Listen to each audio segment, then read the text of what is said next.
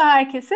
Çok sevgili Güneşin Aydemir ile birlikte yaptığımız Alıç Ağacı'nda Çiğ Tanesi podcast sohbetlerimizin üçüncüsüyle sizlerleyiz. Bugün de yine çok özel bir konuğumuz var. Onu aslında tek başına yaptığı e, hem Türkiye içerisinde hem dünyadaki gezilerden bu yana heyecanla izliyoruz. Selcan Küçüküster. E, Selcan Yalova'da doğup büyüdü ve küçüklüğünden bu yana doğa ve hayvanlara karşı büyük bir ilgisi olmuş birisi. İngilizce öğretmenliği okumuş üniversitede. Sonra da hayali olan kültürel antropoloji alanında yüksek lisans ve doktora yapmış ve bugünkü sohbetimizin konusu da bununla ilgili aslına bakarsanız. Bu çalışmalarında kendilerine yeten geleneksel kültürler, dünyanın çeşitli yerlerinde yaşam tarzları tehdit altında olan küçük topluluklar ve bunların doğa ile kurdukları bağ konularında çalışıyor. Ee, bizim bugün ana konumuz olan çalışması ise Kuzey, Kuzey Moğolistan'da ren geyikleriyle beraber taygada yaşayan dukalar ve onların doğa algısı üzerine yaptığı doktora test çalışması. Bu konuda bir kitabı da var. Ee, şu anda da Madrid'de bir üniversitede Nepal'deki yerli halkların nehirler üzerine inanışları ve doğa alanlarının yasal temsili üzerine doktora sonrası araştırmacı olarak çalışıyor. Onu bir de tabii ki şuradan tanıyor olabilirsiniz kurucular arasında olduğu Magma dergisinde fotoğrafçı yazarı olarak çalışıyor. Dolayısıyla buradaki yazılarını da biliyor olabilirsiniz. Hoş geldin Selcan. Sen bir ekolojik antropolog olarak dukaları tanımaya çalıştın. Ve Moğolistan'da Tayga'da yaşayan bir kısmı hala avcı toplayıcı olan anladığım kadarıyla yaklaşık da 500 kişi kalmış dukalarla yaşadım. E, dukaları da sadece insan topluluğu olarak anlamak tam bahsetmiyoruz zannediyorum. Ağaçları, nehirleri, dağları, rengeyiklerini de katacak biçimde anlamak lazım onları. Bize anlatır mısın orada hangi konu üzerine çalışmıştın? Kimdir Dukalar? Merhaba, e, teşekkür ederim Güneş'in. E, pardon, Burcu. Güneş'ine birazdan gelecek. E, hoş bulduk. Öncelikle teşekkür ederim davet ettiğiniz için. Evet, e, ben Kuzey Moğolistan'da e, göçer, avcı, derleyici ve rengeyi çobanı olan Dukalarla çalışmıştım doktora çalışmam için. Ee, yaklaşık bir sene tabii gelip giderek yani 6 yıla yayılmış bir şekilde bir sene yanlarında kaldım. Ee, kısacası Dukaların kim olduğundan bahsedeyim ve sonra çalışma konumu da çok kısaca anlatacağım. Ee, Dukalar aslında senin de söylediğin ve benim de az önce söylediğim gibi e, göçer bir halk. Yani e, dört mevsim çadırda yaşıyorlar ve mevsime göre e, çadırlarını yerini değiştiriyorlar. E, rengeyikleri var. E, fakat rengeyiklerini e, kesip yemiyorlar zorunda kalmadıkça ya da hayvan yaşlanıp ölmek üzere olmadıkça e, at gibi rengeyiklerine biniyorlar. Yani rengeyiklerin asıl işlevi e, binek hayvanı, yük hayvanı ve aynı zamanda sütünü içiyorlar. E, asıl geçim biçimleri ise avcı toplayıcılık. Yani e, doğadan avladıkları işte geyik, ayı, e, domuz gibi hayvanları yiyorlar e, ve çeşitli bitkileri topluyorlar mevsime göre. Fakat e, tabii Kuzey Moğolistan oldukça soğuk bir coğrafya olduğu için genellikle de zaten e, yani yaklaşık senede 8 ay gibi hava sıcaklıkları hep eksi derecede. E, şamanlar e, yani aslında anlatacağım gibi doğa ruhlarına inanıyorlar ve e, benim kaldığım obada iki tane bir kadın bir erkek şaman vardı. E, yaklaşık 500 kişiler fakat bunlardan e, 200'e yakın kişi şu an hala göçer olarak devam ediyor hayatlarına. E, ayrıca bence bizim için önemli olan bir diğer şey de e, ana dilleri Dukaca, Tuvaca diyelim. E, Türk dil ailesinden bir dil. Dolayısıyla e, tabii Moğolca da konuşuyorlar Moğolistan'da yaşadıkları için ama ana dilleri e, Türkçe'ye yakın bir dil ve bu bizim için bence oldukça heyecan verici. Benim çalışma konumsa gene çok kısaca anlatacak olursam ben ekolojik antropoloji çalıştım. E, yani insan hayvan ilişkileri, insan doğa ilişkileri üzerine çalıştım. E, en temel antropolojik teoriye göre e, insanlar ve hayvanlar arasındaki ve doğa arasındaki e, ayrım avcı toplayıcı topluluklarda yani tarıma ve hayvancılığa yetinmeden önce çok daha azken yani insanlar gerçekten doğanın bir parçasıyken e, evcilleştirme süreciyle insanların artık hayvanlara sahip olduğu ve bu eşitlikçi ilişkilerinde o süreçten sonra gitgide azaldığı gibi bir teori var.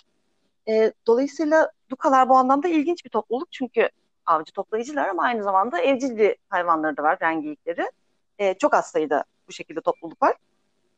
E, ben de dukalar e, rengiyikleriyle nasıl ilişki kuruyorlar, doğa, e, doğadaki yaban hayvanlarına ilişki kuruyorlar gibi bir soru üzerine çalıştım doktora konumda.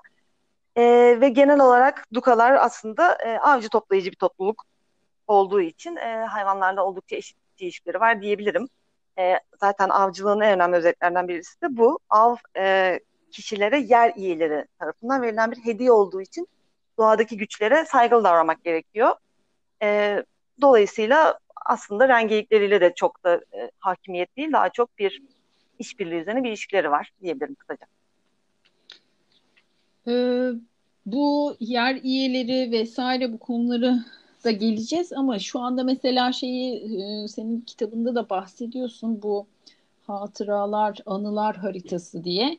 Ee, aslında coğrafyayla doğrudan temelinde coğrafik e, bir takım kerterizlerin olduğu sosyal ilişkiler kurmuşlar. Son derece karmaşık sosyal ilişkileri var. E, dışarıdan bakınca görünmeyen ama senin gibi e, araştırmacıların ama kalpten, gönülden orada olan e, insanlara görünür olan e, o merakla bakınca biz böyle sosyal ilişkiler örüntüsü var. E, bugün tüm dünya için de özellikle önemli e, aslında bu e, bilgiler. E, var mı? E, ne diyorsun? Bu bağlantılar nasıl? Bugün tüm dünya için hı hı. özellikle önemli olanları var mı bunlar arasında? Ee, evet, gerçekten aslında heyecan verici bir konu. Ee, coğrafyayla olan ilişkide en temel olarak şöyle diyebilirim. Aslında yarı yerlerinden de bahsedeceğiz belki. Ee, coğrafyadaki işte nehirler, dağlar, ağaçlar, tepeler olsun hemen hemen her canlının bir ruhu, bir e, sahibi yani iyesi olduğuna inanılıyor. E, sosyal ilişkileri de bu aslında ciddi anlamda etkiliyor. Çünkü gene bir teoriye göre ve benim de gözlemlerime göre şu şekilde insanlar arasındaki ilişkiyi etkiliyor bu mesele. E, şimdi avcılıkla belki tarımın şöyle bir farkı var. Avcı her kim avlanırsa avlansın yani avı getiren kim olursa olsun e, onun sahibi olmuyor. Çünkü av yani doğadaki hayvanlar yer üyelerine ait coğrafyayla böyle bir bağlantısı var. E, dolayısıyla bu topluluklar hani doğaya oldukça saygılı ve eşitlikçi davrandığı gibi kendi aralarında da e, eşitlikçi bir ilişkileri oluyor. Çünkü dediğim gibi e, yani getirilen yiyecek kimseye ait değil ya da kaynaklara herkesin ulaşımı eşit yani hiç kimsenin değil doğa. E, dolayısıyla insanlar arasında da bir lider genellikle olmuyor ve e, avlanılan hayvan her kim avlanırsa avlansın mutlaka eşit olarak herkes arasında paylaştırılıyor. Bu katı bir kural. Yani ben paylaştırmayacağım gibi bir kimse, kimse öyle bir şey diyemiyor. Ve yine benzer bir şekilde bu toplumlarda, dukalarda da aynı şekilde e, bir lider yani kararları veren sorumlu kişi olmuyor.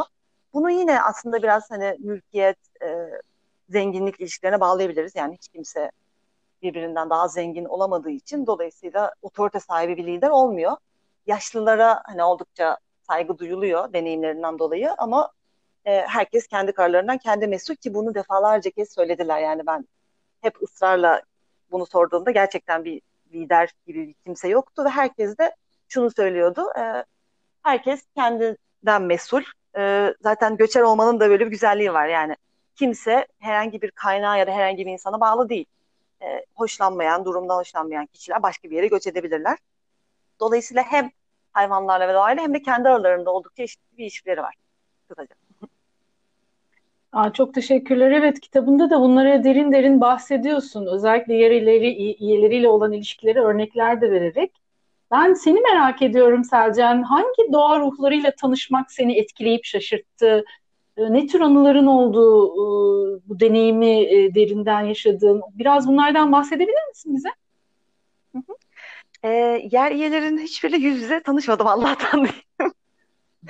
e, yani işin şakası tabii. E, şimdi yer üyeleri meselesi aslında şöyle yani biraz komplike vaktimize çok yok ama e, şimdi her dediğim gibi her nehrin her dağın bir e, iyisi sahibi olduğuna inanıyorlar dedik fakat bunların hepsi birebir aynı değil. Bunlardan bir kısmı e, kızgın yapıda olabiliyor. Hatta gatı bir katı diyorlar bu yerlere. Yani oralardaki yer üyesi zamanında belki de insanların orayı kirlettiği için gibi teoriler var. E, kızgınlar, biraz agresifler. Dolayısıyla oralara yaklaşılmıyor. Sadece uzaktan sunumlarda bulunabiliyorsunuz. Kimisi e, yumuşak, cımcak diyorlar hatta. Dolayısıyla bu yerlere gidip işte bir nehir olabilir, dağ olabilir. Gidip sunumlarda bulunabiliyorsunuz. E, azalı yerler var yani doğa atalarının ruhlarının olduğu. Bunlar yer değiştiriyor, sabit yerler değiller. E, gibi aslında bir sürü farklı yapıda iyeler var. E, iki tane de çok meşhur olarak anlatılan iye var. Bir tanesi Batıkşan. E, Batıkşan ormanın koruyucu ruhlarından bir tanesi ve kendisini aynı zamanda gösterebiliyor zaman zaman. Diğer iyelerde böyle bir şey yok. E, küçük bir kız çocuğu, uzun saçlı e, bir kız çocuğu olarak gözüktü ve genellikle işte bu ağaçların tepesinde oturduğu gibi hikayeler var. E, ben hiçbirini görmedim falan diye hani e, takılırken şunu kastediyordum. Batık Şam'la ilgili sürekli bir sürü hikaye hep e, obada işte sobanın başında falan dinliyoruz. Batık Şan hem çok saygı duyulan ama aynı zamanda biraz çekinilen bir yer üyesi. E, ben en çok Batık Şan'ı hep merak ettim. Görmedim birebir. Ama onunla ilgili çeşitli e, komik anılarımız da oldu. Yani böyle ormanda sesler duyup işte bukaların bana takıldığı, Aa, acaba Batık Şan'ın sesi mi ya da benim önemli diye düşündüğüm ya da e, işte akşamları gecenin bir yarısı tuvalete kalktığımda ormana böyle tek başıma hep böyle acaba Batık Şam bir yerden bakıyor mudur gibi düşündüğüm zamanlar oldu. E, görmedim ama kendisini. Ee, senin valla kitabı okurken de şimdi anlatı, anlatırken dinlerken de hep böyle aklıma e, Kaz Dağı Türkmenleri geliyor. Buradaki köylerde tanıdığım insanlar geliyor. Bir de e, Kaz Dağı'nın da bir batık şanı var. E, Sarı Kız. E, o da bir kız çocuğu ve işte dağda e, av hayvanlarına yardımcı oluyor falan bir sürü insana görünüyor ediyor ve hala da e, onunla bağlantıdalar. Yani çok benzer tarafları var tabii yerleşik düzene geçmiş oldukları için e, bir sürü e, geleneği yitirmişler ama devam edenleri de var. Çok böyle benzerlikler buldum gerçekten iki şey arasında. E, bir yandan da bu insanları mesela Sarı Kız Tepesi nin tam karşısında onun babası Cilbak dedenin tepesi var ve orası bir askeri garnizonun içerisinde. E, Kaz Dağı'nın zirvesinde. Askeri bir e, alan var. E, onun içinde kalmış ve yaşlılar, e, Türkmen yaşlıları her e, işte güzdedeleri dedikleri Ağustos ayında gitmek istiyorlar, ziyaret etmek istiyorlar oraya. E, ve e, askeri e, alan içerisinde kaldığı için üst, hatta yerini değiştirmişler. Üstüne beton dökmüşler falan böyle bir şeyi var. E, gene yaşlıları sokuyorlar içeriye ama e, orada da böyle bir hep hüzünlü bir hikaye var yani.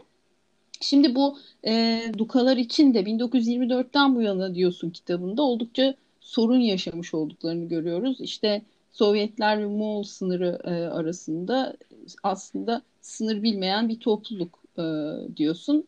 Av yasağı gelmiş önce sonra milli park ilan edilmiş. Avlanmamaları için para verilmiş falan. E, yani hani bütün bunları insan ne cüretle diye sorusu geliyor. Bu konuda dünyada nasıl bir süreç süreçteyiz sence?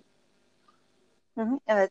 Evet maalesef dediğin gibi hem Türkiye'de çok sık gördüğümüz bir mesele yani hem kazaları olsun aslında hemen hemen her yerde e, dünyada da bu tip toplulukların yaşam alanı genellikle hızla işgal ediliyor. E, her yerde yani bunu görüyoruz. Gerçekten olmayan ülke ya da kıta yok sanırım. E, Dukaların başına geleni de çok kısaca anlatmak istiyorum. Aslında orada da e, dediğin gibi yani çok eskilerden 1900'lerin başından beri birçok devlet müdahalesi var. Hani onlara şimdi uzun uzun girmeyeyim. Fakat e, son zamanlarda olan bir gelişme aslında oldukça olumsuz etkiledi Dukaları.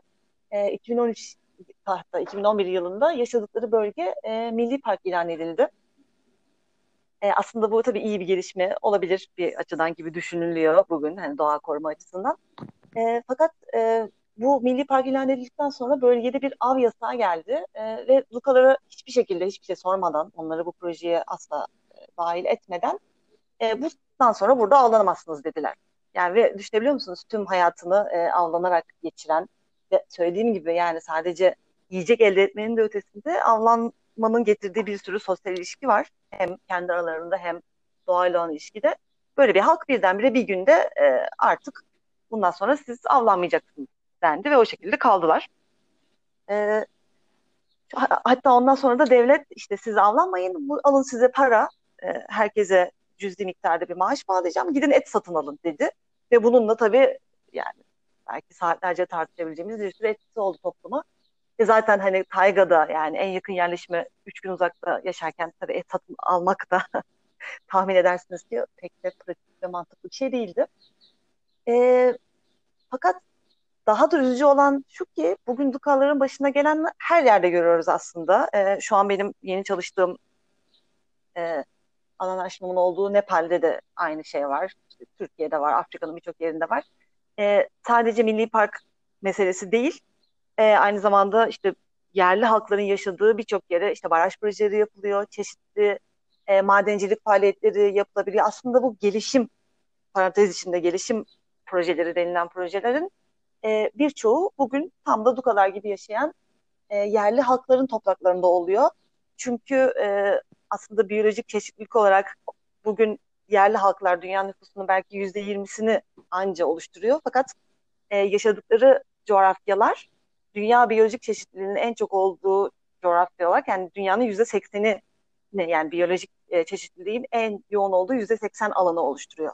Dolayısıyla nerede bir e, işte madencilik ya da baraj gibi yani doğal kaynakların e, sömürülmesi diyeceğim maalesef öyle gibi bir aktivite varsa e, orada genellikle yerli halklar da yaşıyor oluyor ve e, çoğu zaman da hiçbir şekilde ne görüşleri alınıyor ne e, e, dahil ediliyorlar ya da nasıl etkilenecekleri düşünülmeden e, hunharca bu kaynaklardan yararlanılıyor diyebilirim. Maalesef. Evet e, ve şey de yani aslında bu insanların e, coğrafyayla kurduğu e, bağ sadece işte e, şurada yaşasınlar falan gibi yer göstermekten ibaretmiş gibi e, algılanıyor. Aynen. Halbuki e, hani e, senin de çok güzel anlattığın e, kitapta işte dil, kelimeler, her tepenin, her nehrin e, kelimesi dil, dili, dile yansıyor. Coğrafya ile çok farklı bir e, seviyede iletişim kuruyorlar. Her şeyin bir canı olduğuna inanıyorlar ve yeri hatta sahibi olduğuna inanıyorlar. Ve e, bir de e, atalarıyla birlikte yani coğrafyanın her yerinin kutsal oluyor olması. Çünkü e, gömmüyorlar ve açıkta bırakıyorlar. Ve her yer onların atalarıyla e, dolu. Bu bakış açısı e, aslında modern kentleşmiş ya da medeni dediğimiz toplumlarda e, çok büyük bir fark yaratıyor. E, yani en dramatik fark e, ne mesela bu konuda ve bir de hani en önemli soru belki hani sonunda bu e, şeyin sohbetin e, şunu düşünüyorum hep ayrışmış bir zihin e, yani böyle sen ve ben işte onlar hayvan biz insan falan ya da işte e, insanların türleri içinde kadın erkek e, gibi ayrışmış bir zihin nasıl böyle bütünleşik bir zihin haline dönüşebilir? Yani o büyüyü nasıl e, hisseder, bilir hale daha doğrusu bilir hale, idrak eder hale geliriz. Var mı bu konuda senin söyleyeceğin bir şeyler? evet. Ee, öncelikle ilk söylediğin konuya kısaca değinmek gerekirse yani bu coğrafyanın e, yaşayan bir canlı olması meselesi yani gidin yerleşin başka yere yerleşin e, mantığı bu projelerde kesinlikle çok haklısın. E, yani sanırım şu zihinsel yapı bir türlü anlaşılamıyor ya da saygı duyulmuyor anlaşılmasa bile.